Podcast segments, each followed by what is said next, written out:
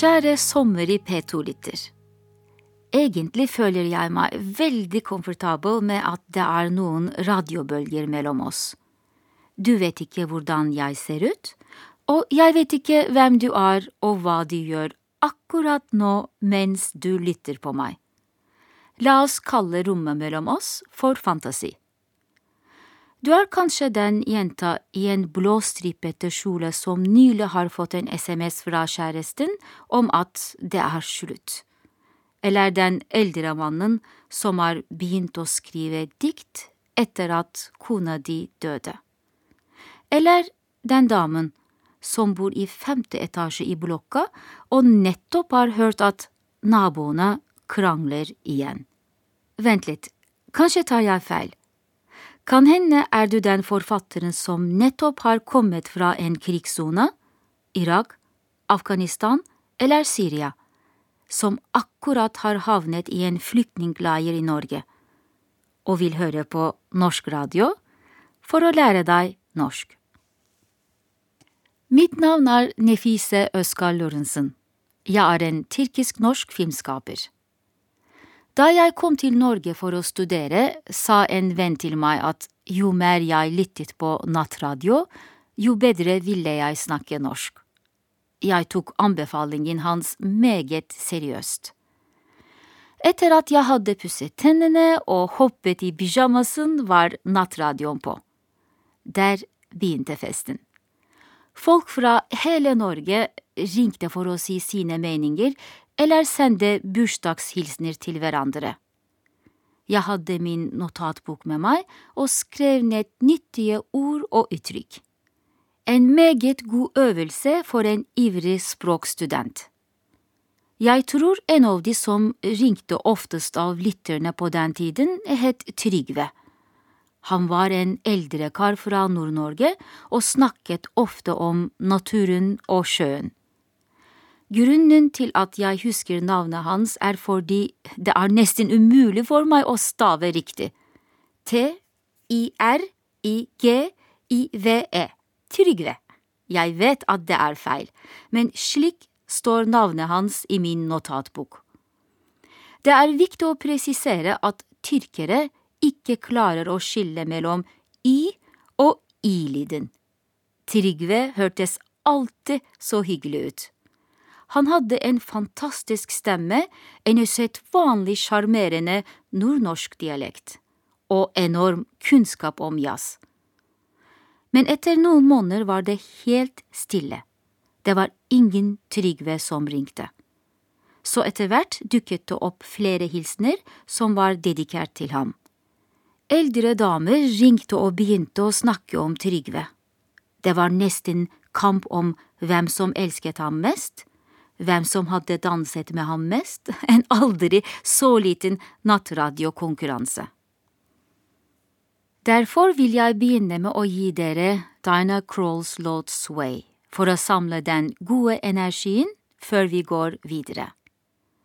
Vi skal snakke om litt av hvert, nesten som Trygves nattradiofortellinger.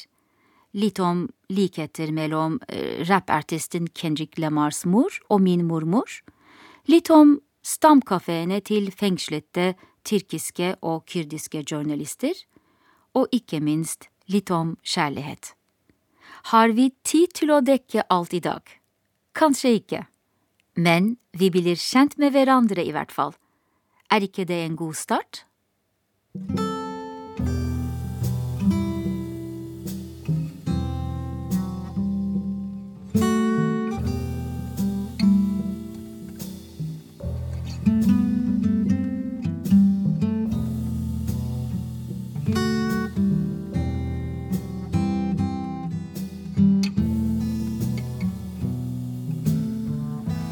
When marimba rhythms start to play, dance with me, make me sway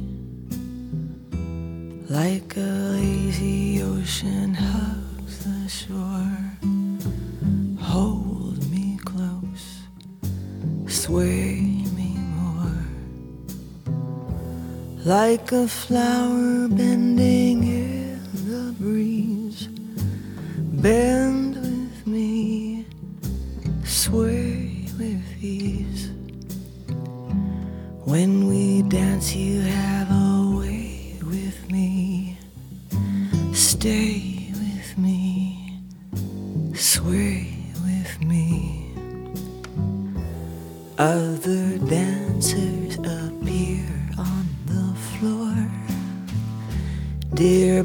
my eyes will see only you. Only you have that magic technique. When we sway, I go weak. I can hear the sound of violins long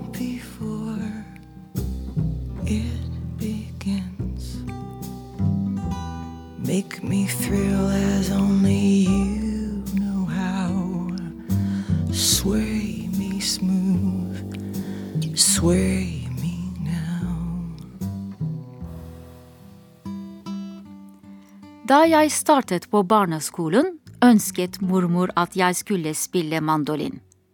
Hun hadde allerede meldt meg på til skoleorkesteret. Hun visste nok ikke at jeg fungerer meget dårlig i organiserte aktiviteter. Men det var absolutt utenkelig å si nei til mormor. Hun var stolt og begeistret over barnebarnet sitt til tross for at jeg spilte både middelmodig og helt ukonsentrert. Jeg syns det var mer interessant og utfordrende å stifte en detektivklubb med to andre venninner. Vi hadde veldig stor selvtillit, og vi skulle finne den største skurken som kidnappet barn i vårt nabolag. I stedet for å gå på spilletimer gjorde vi detektivarbeid. Merkelig nok tok det ikke så lang tid for mormor å oppdage min løgn. Egentlig visste jeg at mormor kunne lese sannheten som sto skrevet i pannen min, bokstav for bokstav. Jeg mener, jeg trodde virkelig på det i mange år. Denne gangen syns jeg det var veldig rart fordi jeg hadde en lang pannelugg som burde dekke løgnen. Det kan hende at min interesse for science fiction og surrealisme kommer fra mormors søte, fantasifulle univers. Hvis du ikke har spist opp maten, ikke ryddet rommet eller ikke har snakket sant, så dukker det opp bokstaver i pannen din. Bokstavene blir ord som til slutt avslører løgnen. Jeg lurte alltid på hvordan disse bokstavene ville forandre seg hvis jeg flytter til et annet land, Kina for eksempel. Ville jeg få kinesiske tegn i stedet for bokstaver? Jeg tror alle mødrene i slekten vår har brukt denne magiske pannelesning for å få sannheten ut av barna sine. Og det fungerer fremdeles. Jeg har brukt metoden for å avsløre løgnene til mine egne barn. Når de gjorde rampestreker, kom de alltid hjem med hånden for panne, slik at jeg ikke skulle lese sannheten. Hvis du bruker denne metoden, kjære P2-lytter, er det viktig at du ikke leser hele teksten med en gang. Her mener jeg at fantasien er nøkkelen. Via fantasien kan du hjelpe barna å si sannheten. Du starter slik. Oi, se hva som står her. Litt lite bokstaver. mm, kan ikke lese. Nå ser jeg det. Er det virkelig sant? Så kommer hele historien fra barna i alle detaljer. Jeg lurer på om moren til rapperen Kendrick Lamar er i slekt med kvinnene i min familie. Hun ser mer enn sønnen ser selv.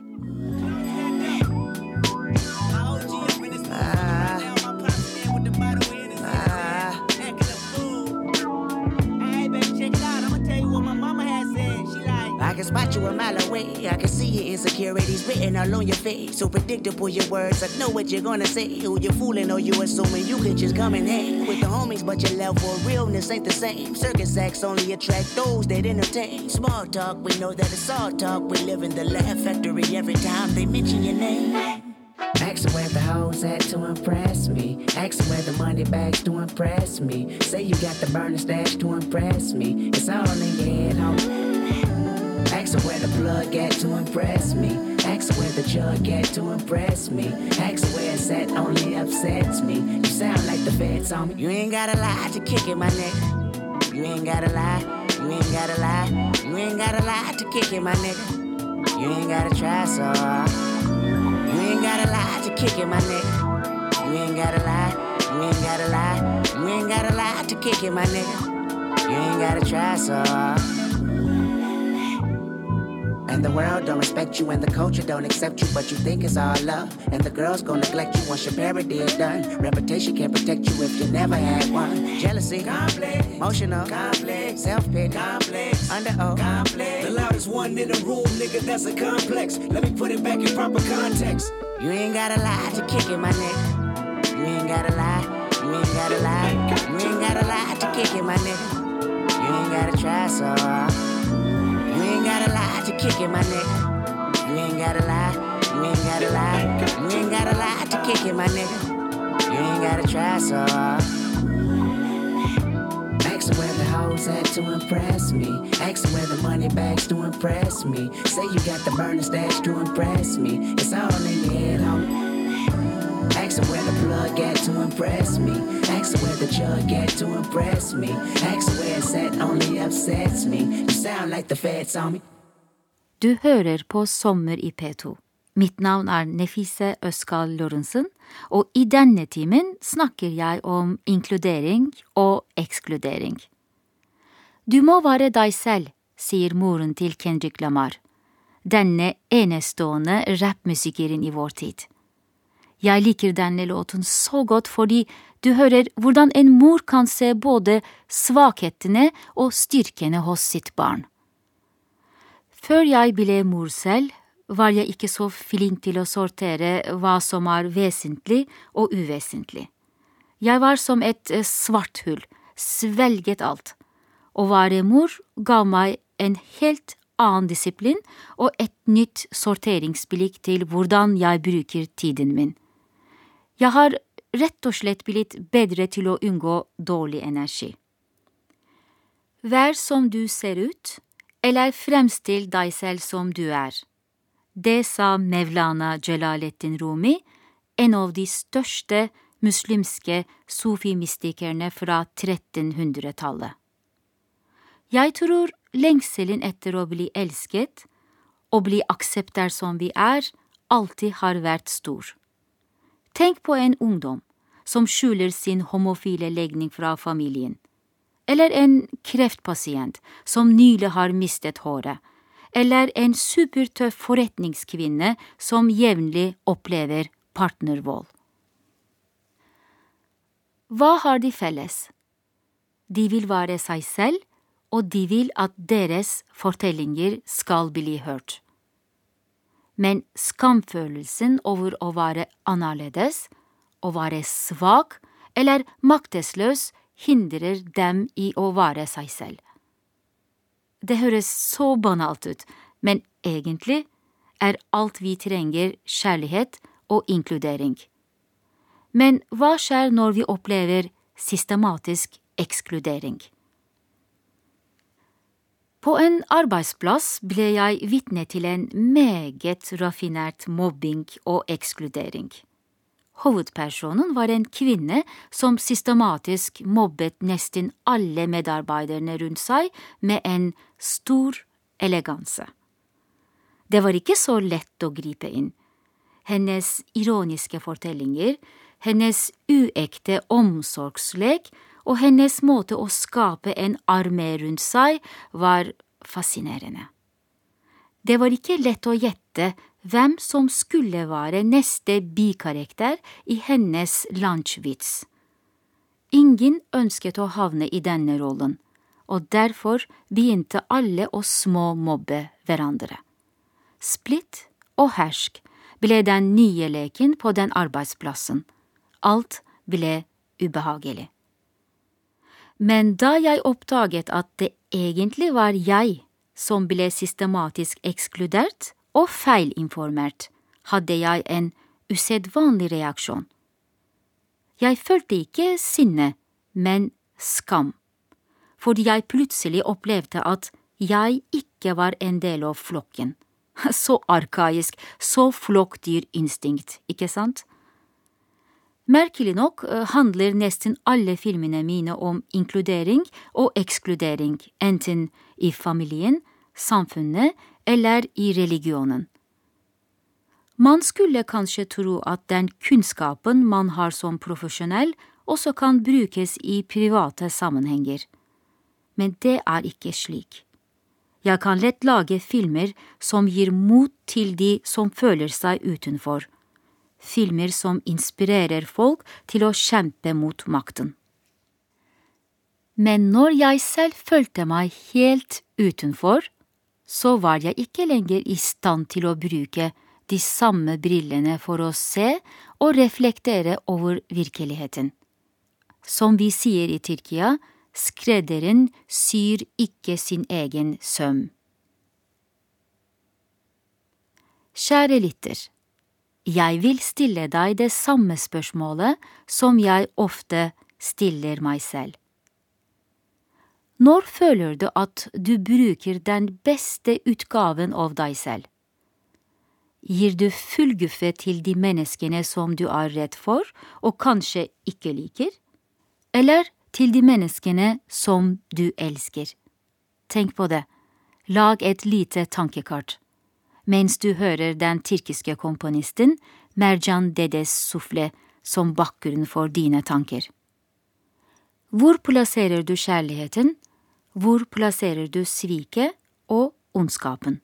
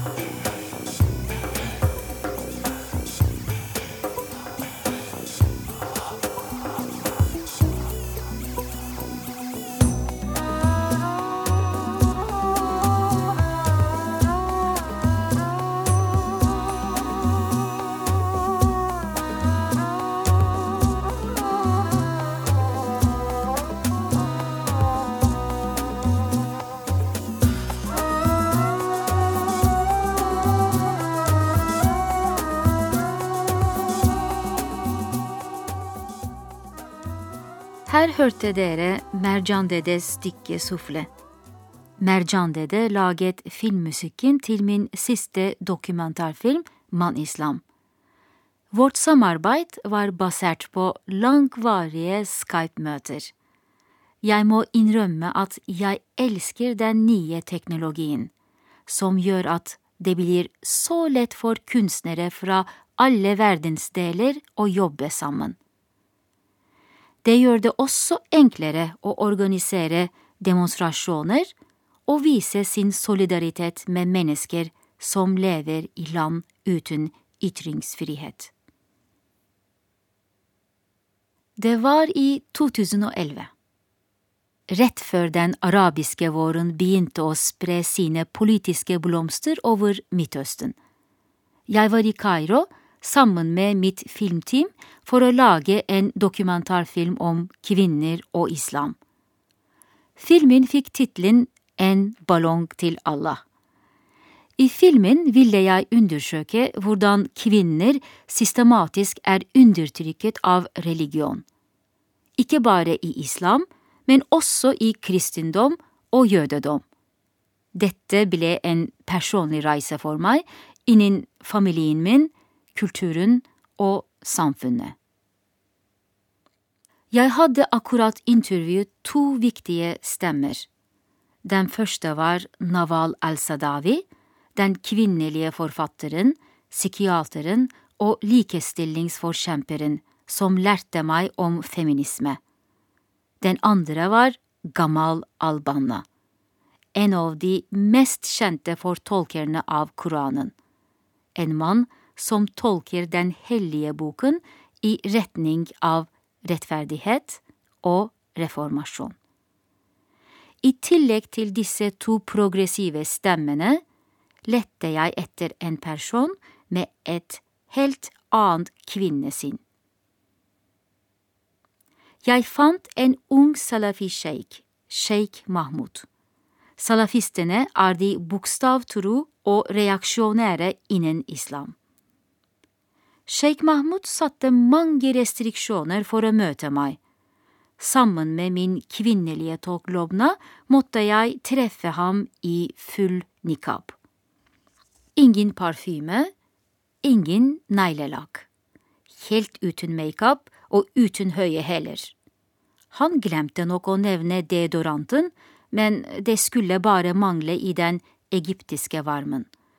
I tillegg hadde jeg også fått en streng beskjed om at det ikke var tillatt å bruke verken fargerike klær eller å ha øyekontakt. Vi gjorde det beste ut av det. Svart var den mest fornuftige fargen man kan velge. Den passer for fester, begravelser og forretningsmøter. Eller en date med en sjeik som må beskyttes fra alle mulige fristelser. Da Lobne og jeg kom til det avtalte møtestedet, måtte vi vente 20 minutter til i bilen. Varmen hadde blandet stressluktene våre og gav oss et søvngjengeraktig blikk. To menn med gammeldagse walkietalkie kom og tok oss til enda et nytt møtested. Gjett om jeg følte meg som en C-karakter i en C-actionfilm med et meget flytende og uklart manus. Det nye stedet var en liten, rotete butikk hvor de solgte kjøkkenbenker, kjøkkenskap og dusjkabinett i forskjellige størrelser. Der satt sjeiken på en liten, svart skinnsofa med en flamenco-vifte i hånden, som om han gjorde seg klar til å være hovedfiguren i et renessansemaleri. Jeg er så glad for at jeg fanget dette lille øyeblikket. Sammenlignet med andre salafister man ser på YouTube, hadde sjeik Mahmud en usedvanlig utstråling. Det ble ingen smil eller håndhilsing på meg, men han var meget flink til å chit-chatte med resten av den mannlige staben. Vil de ha noe å drikke? Var stolen komfortabel nok? Likte de Kairo? Jeg derimot var mer usynlig enn lufta rundt oss. Sjeiken ville filmes foran dusjkabinettene. Enten tuller han, eller så har han stor sans for humor, tenkte jeg. Kanskje hadde han sett altfor mange Monty Python-filmer. I min fantasi filmet jeg ham mens han tok en dusj og ropte Allahu ekber, Gud er stor. Jeg var veldig forsiktig med å si hva jeg mente. Målet mitt var å finne ut hvilke tanker som fantes i hans hode, og formidle dem videre. Kunsten var å stille gode spørsmål og la ham fortelle uten avbrytelser. Det kan være haram å filme deg her, sa jeg. Egentlig var jeg mest opptatt av at det var så høylytt både inne og ute at det ville bli en dårlig film. Jeg ble forbauset over hvordan ordet haram hjalp meg for å få hans oppmerksomhet. Haram i islamsk rettsvitenskap er en betegnelse for alt som er forbudt og moralsk forkastelig. Jeg tror han tenkte at jeg hadde ekstra kunnskap om dusjkabinetter og haram. Selvsagt ville han ikke spre haram i sin fetters butikk. Han ville ikke være moralsk forkastelig. Før vi går videre med fortellingen, vil jeg ta en liten pause for at du kan bruke din fantasi og tegne hans bilde i ditt hode. La oss høre Your Heart Is As Black As Night av Melody Gardo.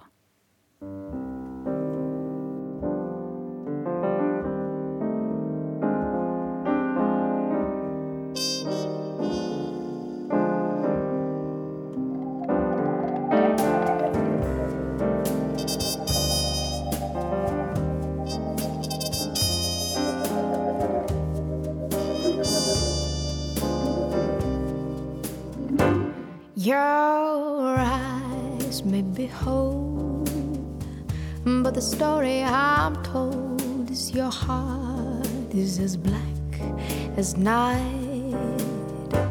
Your lips may be sweet, such that I can't compete, but your heart is as black as night. I don't know why it came at such a perfect time. But if I let you hang around, I'm bound to lose my mind. Cause your hands may be strong, but the feelings are wrong. Your heart is as black as night.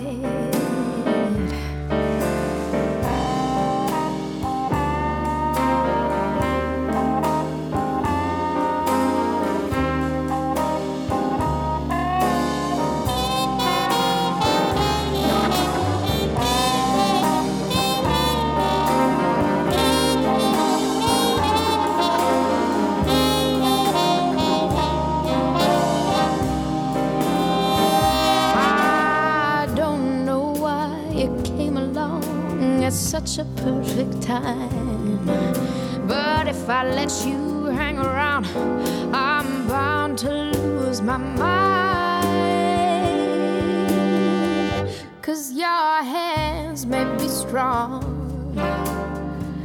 but the feelings are wrong. Your heart is as black. Your heart is as black. Oh, your heart is as black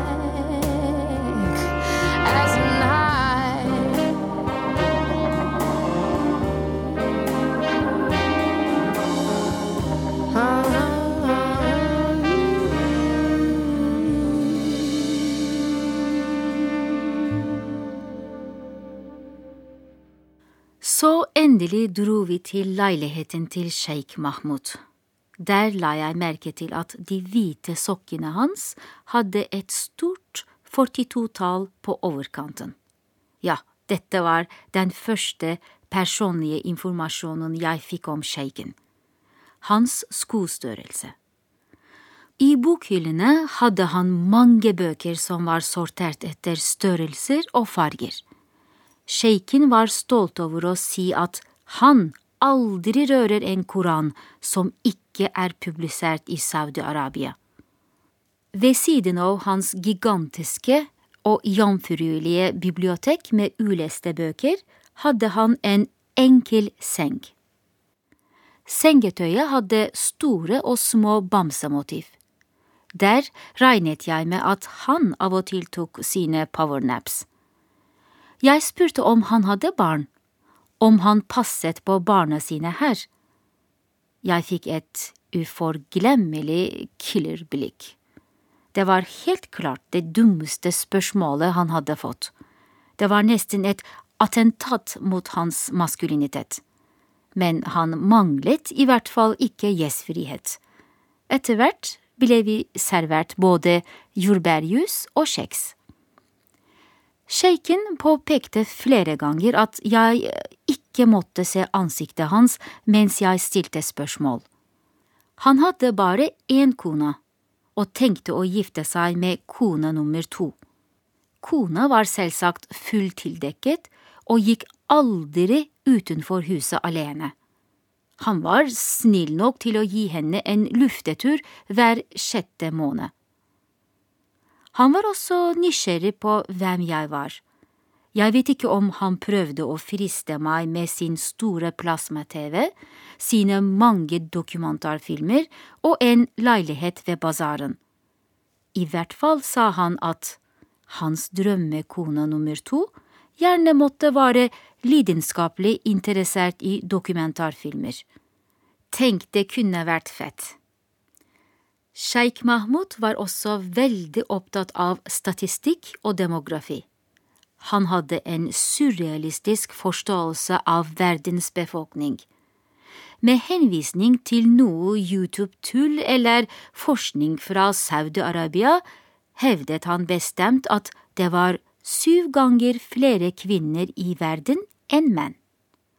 Når det fins syv ganger flere kvinner enn menn i verden, så er jo polygami en nødvendighet. Dette var den mest vitenskapelige legobrikken i hjernen hans. Sjeiken var bekymret for at muslimske kvinner i Vesten, som gifter seg med ikke-muslimske menn, blir slaver av kapitalismen og pornoindustrien. Ja vel, jeg hadde ingen sjanse til å konkurrere med hans erotiske fantasier.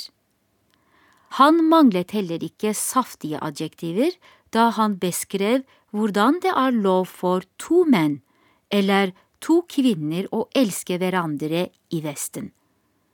Han gjorde det helt klart at det ikke fantes homofile i Egypt. Smilehulene i ansiktet hans ble strammere og strammere da han beskrev hvordan muslimene drepes under Allahs navn, hvis de forlater islam, hvis de gifter seg med en vantro. Jeg må innrømme at jeg etter hvert ble ganske redd for at sjeiken skulle stille meg noen personlige spørsmål om min bakgrunn, min familie og mine visjoner om islam. Kjære sommer i P2-lytter, hvilken sang nynner du når du blir stresset? For meg er det Astrud Gilbertos stemme, The Girl from Ipanema. Om jeg treffer en salafist-sjeik i Egypt, eller en imam som oppdrar soldater fra Pakistan til Al Qaida, eller en høyreekstremist som hater alle innvandrere, og gjerne også seg selv, så er det alltid Astrid Gilbertos rytme i mitt hode som roer meg ned. Da en young and lovely, the girl from Ipanema goes walking, and when she passes, each one she passes goes. Ah. When she walks, she's like a samba that that when she passes, each one she passes goes.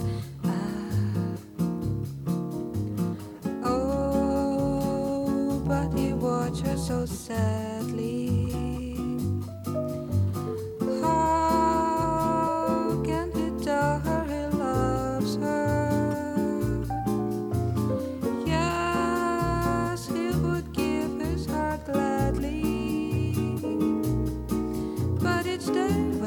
Walks to the sea. She looks straight ahead, not at him.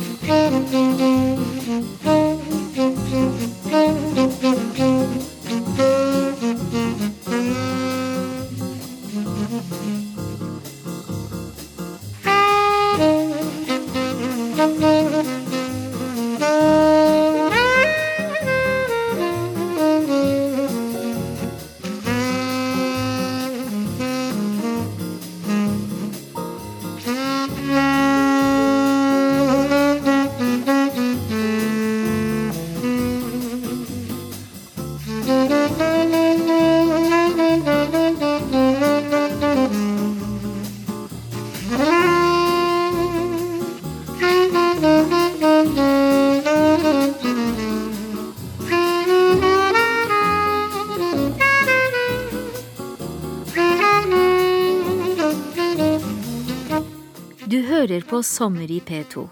Mitt navn er Nefise Øskar Lorentzen, og nå vil jeg fortelle om politiske fanger, mødre og stamkafeer.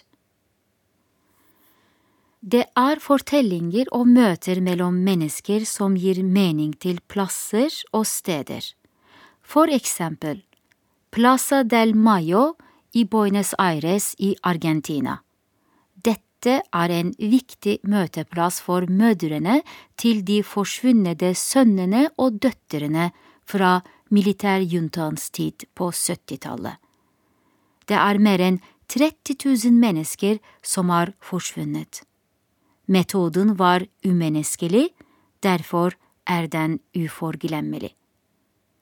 Flere av barna til de politiske fangene ble stjålet, og deretter omplassert og gitt til offiserer i militæret.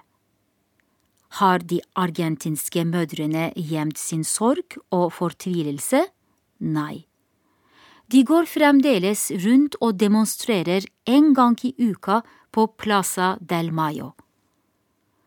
Disse mødrene har gitt en ny politisk mening til dette stedet.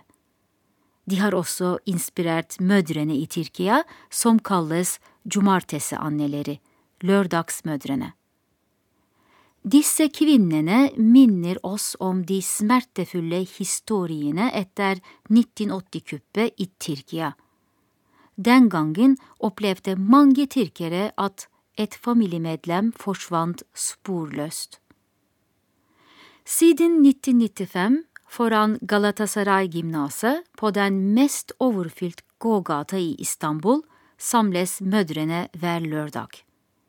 De holder bilder av sine sønner, døtre eller andre familiemedlemmer.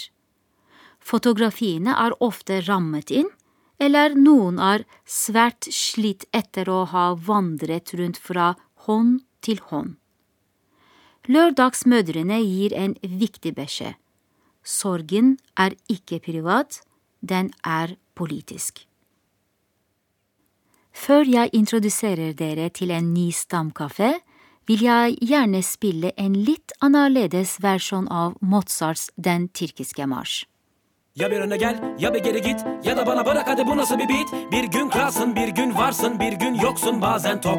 Bu nasıl bir gün? Bu yeni bir gün. Ve de bana neşe verebilecek bir gün. Her gün tekrar doğdum bazen soğudum kaçtım kendimden. Birden fazla yorucu olur Dertler artar sorunu bulun. Kimler çözmüş ki bu sorunu? Bizler bulsak da bu soruyu. Göremiyoruz çözemiyoruz. Birileri iki geri yürüyoruz hep. Kimler gelmiş geçmiş sırlar var hep hiç çözülemeyen. Dünden kalmış ne var acaba? Çok tebrikler bulup alana Tam bir yapboz hayat acımaz. Yoktur diyen bunu nasıl göremez? Tabi göremez. Bakamadı hiç. Kafasını çevirip o yere gömer hep. Birden fazla bundan varsa artık yandı hep İnsanlar insanlıktan çıkmış. Bazen gördüm gerçekten sen yok. Zannetsen de gerçek böyle her yerde. Haykırsan inan Dinletsen de asla duymaz. Hiç kimse Hep anlatsan. Zannetmem ben duysun kimse bir yerde. Peri beni nerelere götürüyor veremedim. Ara bile bana bunu getiriyor. Geri geri gidiyorum. Arada bir sıkılınca adım atamadım aratara. Hadi beni gelip al Dere tepe koşuyorum ara sıra sıkılıp elime de bir kalem alıp aşıyorum. Tepelere deli gibi yürüyorum gece gece kapa çene. Hadi bunu hece hece edip gelip al.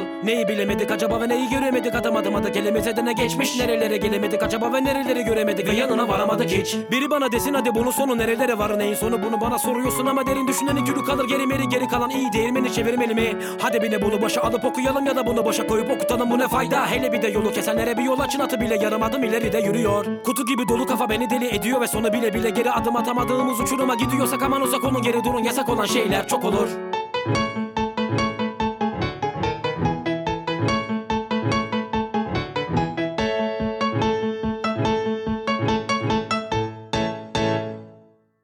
Den nye stamkafeen til forfattere i Istanbul ligger rett ved tinghuset i Çağlayan. Dette bygget kalles også for det største rettspalasset i Tyrkia. Nå nylig var jeg der for å følge rettssakene mot fengslede tyrkiske og kurdiske journalister og forfattere. I kafeen treffer man deres familiemedlemmer, venner og kolleger. Midt i rettspalasset står to store justitieskulpturer, bedre kjent som rettferdighetens gudinne. Hun holder en vekt og et tveegget sverd med bind for øynene. Da jeg tok et bilde av disse gudinnene, kom en politimann løpende bort til meg. Jeg var redd han skulle ta telefonen min fra meg. Utrolig nok smilte han og ville ta bilde av meg foran skulpturene. Med et sjarmerende blunk spurte han ut i lufta om det fins rettferdighet her. Med ett forsto vi hverandre. Nei, rettferdigheten er på ferie her i Tyrkia for tiden, men forhåpentligvis kommer den snart tilbake. Det er helt klart her, i rettspalasset, at man finner den mest beleste og intellektuelle delen av befolkningen i Tyrkia. De er her som tiltalte eller som pårørende. Og hvordan har rettferdighetsgudinnene det? Sikkert ikke så bra. La meg kort kartlegge konsekvensene av det såkalte kuppforsøket i fjor med noen tall fra ytringsfrihetsorganisasjonen Norsk Penn. Flere enn 40 000 er arrestert. 145 000 har mistet jobben. 6800 akademikere er siktet for å planlegge kuppet. 2300 journalister er sagt opp. Over 170 skribenter er fengslet. Fripresse eksisterer ikke mer. Alle disse tallene stiller spørsmålet om hva som vil skje i Tyrkia. Hvorfor vokser hver ny generasjon opp med blodige erfaringer og med hevntanker? Hvorfor bygger vi ikke opp drømmen om å leve sammen, tyrkere, kurdere og armenere? Det er ikke vanskelig å se at ensretningen i Tyrkia har mange fellestrekk med det som skjedde på 30-tallet i Tyskland. President Erdogan kaller gjerne motstanderne sine for virus, svikere, kjettere, søppel, alkoholikere, spioner, terrorister og lignende i sine taler. Tidligere her i sommer i P2 har jeg beskrevet hvordan medarbeiderne på en arbeidsplass begynte å mobbe hverandre, for å unngå at de selv ikke skulle bli ekskludert. Dette er akkurat hva som skjer i Tyrkia. Vi er rett og slett splittet, tvunget til å leve under en paranoid renhetsideologi. Du kan lett finne hundre feil hos din nabo. Enten har han lest en feil avis, hatt penger i en feil bank, hørt musikk som er kurdiskvennlig, eller rett og slett klippet håret hos en frisør som er tilhenger av den omstridte Gulen-bevegelsen. Jo mer jeg snakker om denne tematikken, merker jeg at den tyrkiske melankolien, som vi kaller huzun, tar tak i meg.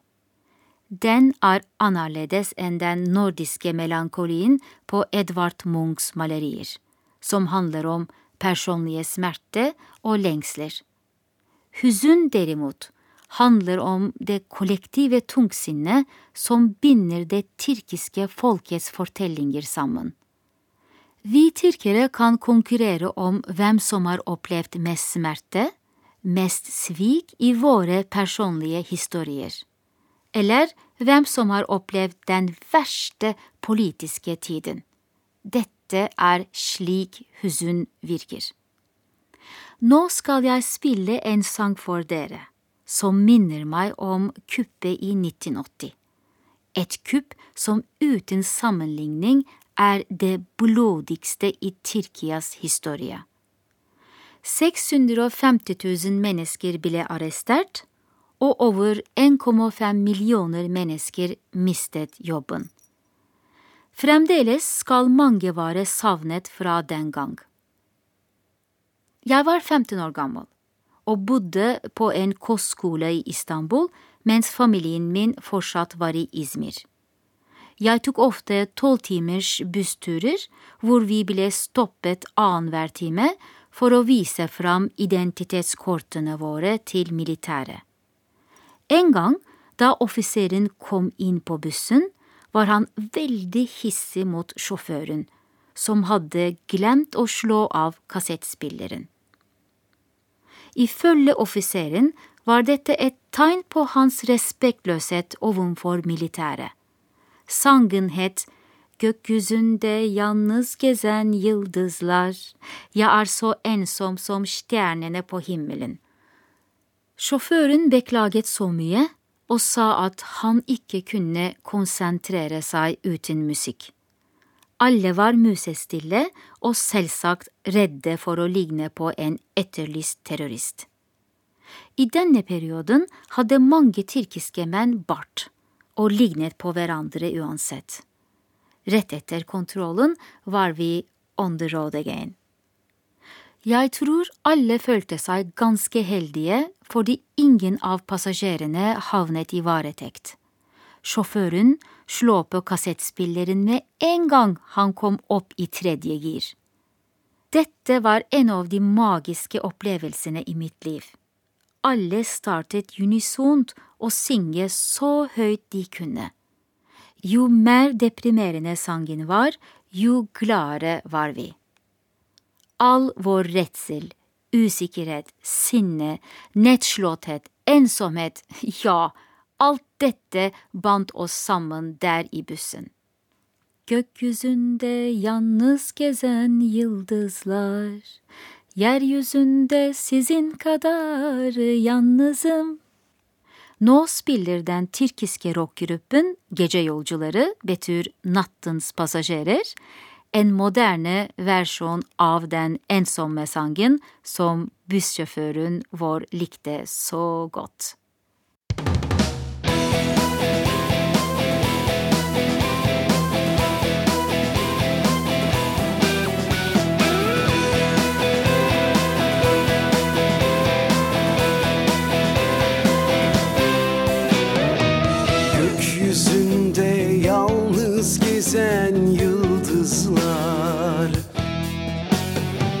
Yeryüzünde sizin kadar yalnızım.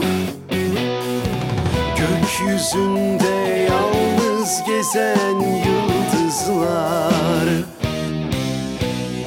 Yeryüzünde sizin kadar yalnızım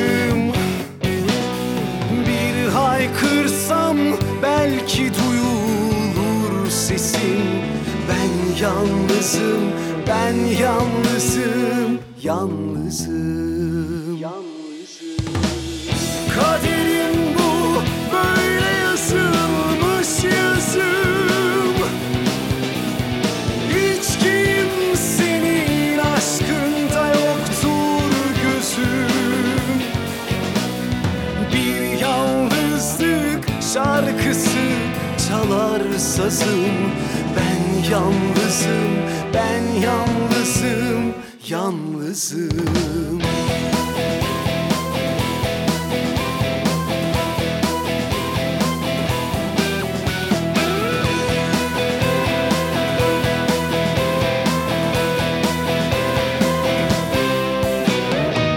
Tatmadım, zevk kalmadı dünyada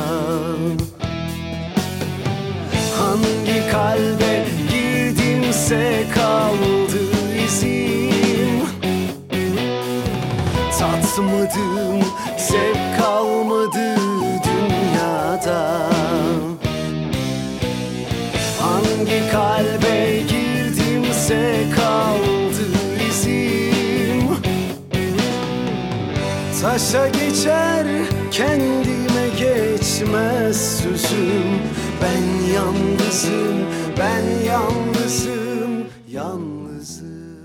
For flere år siden leste jeg en artikkel om leteaksjonen etter den svarte boksen til et fly som hadde stupt i havet.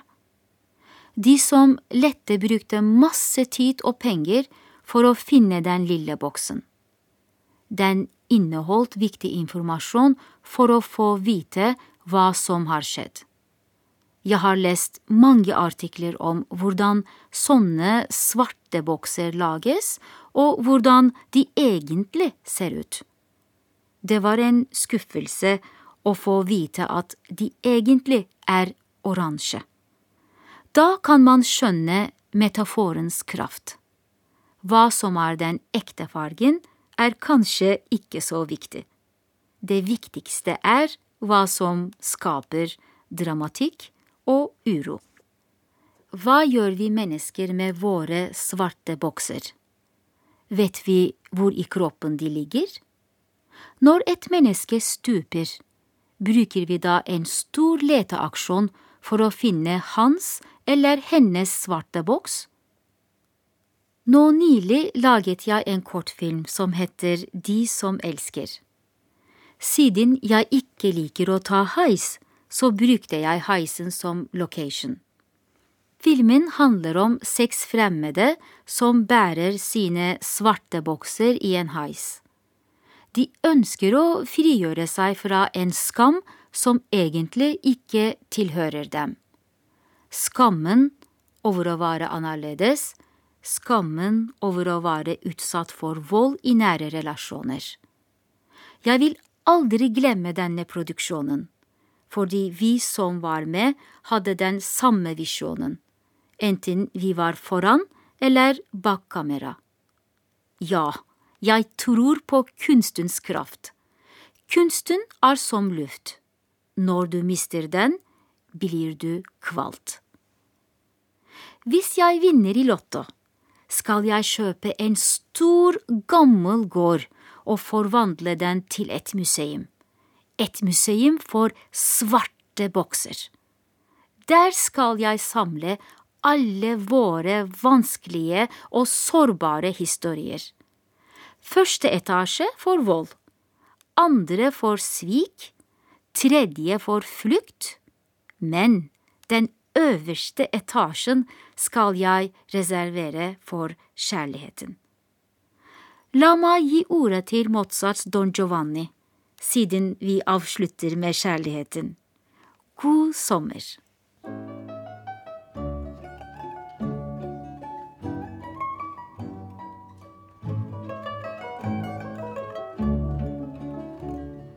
vieni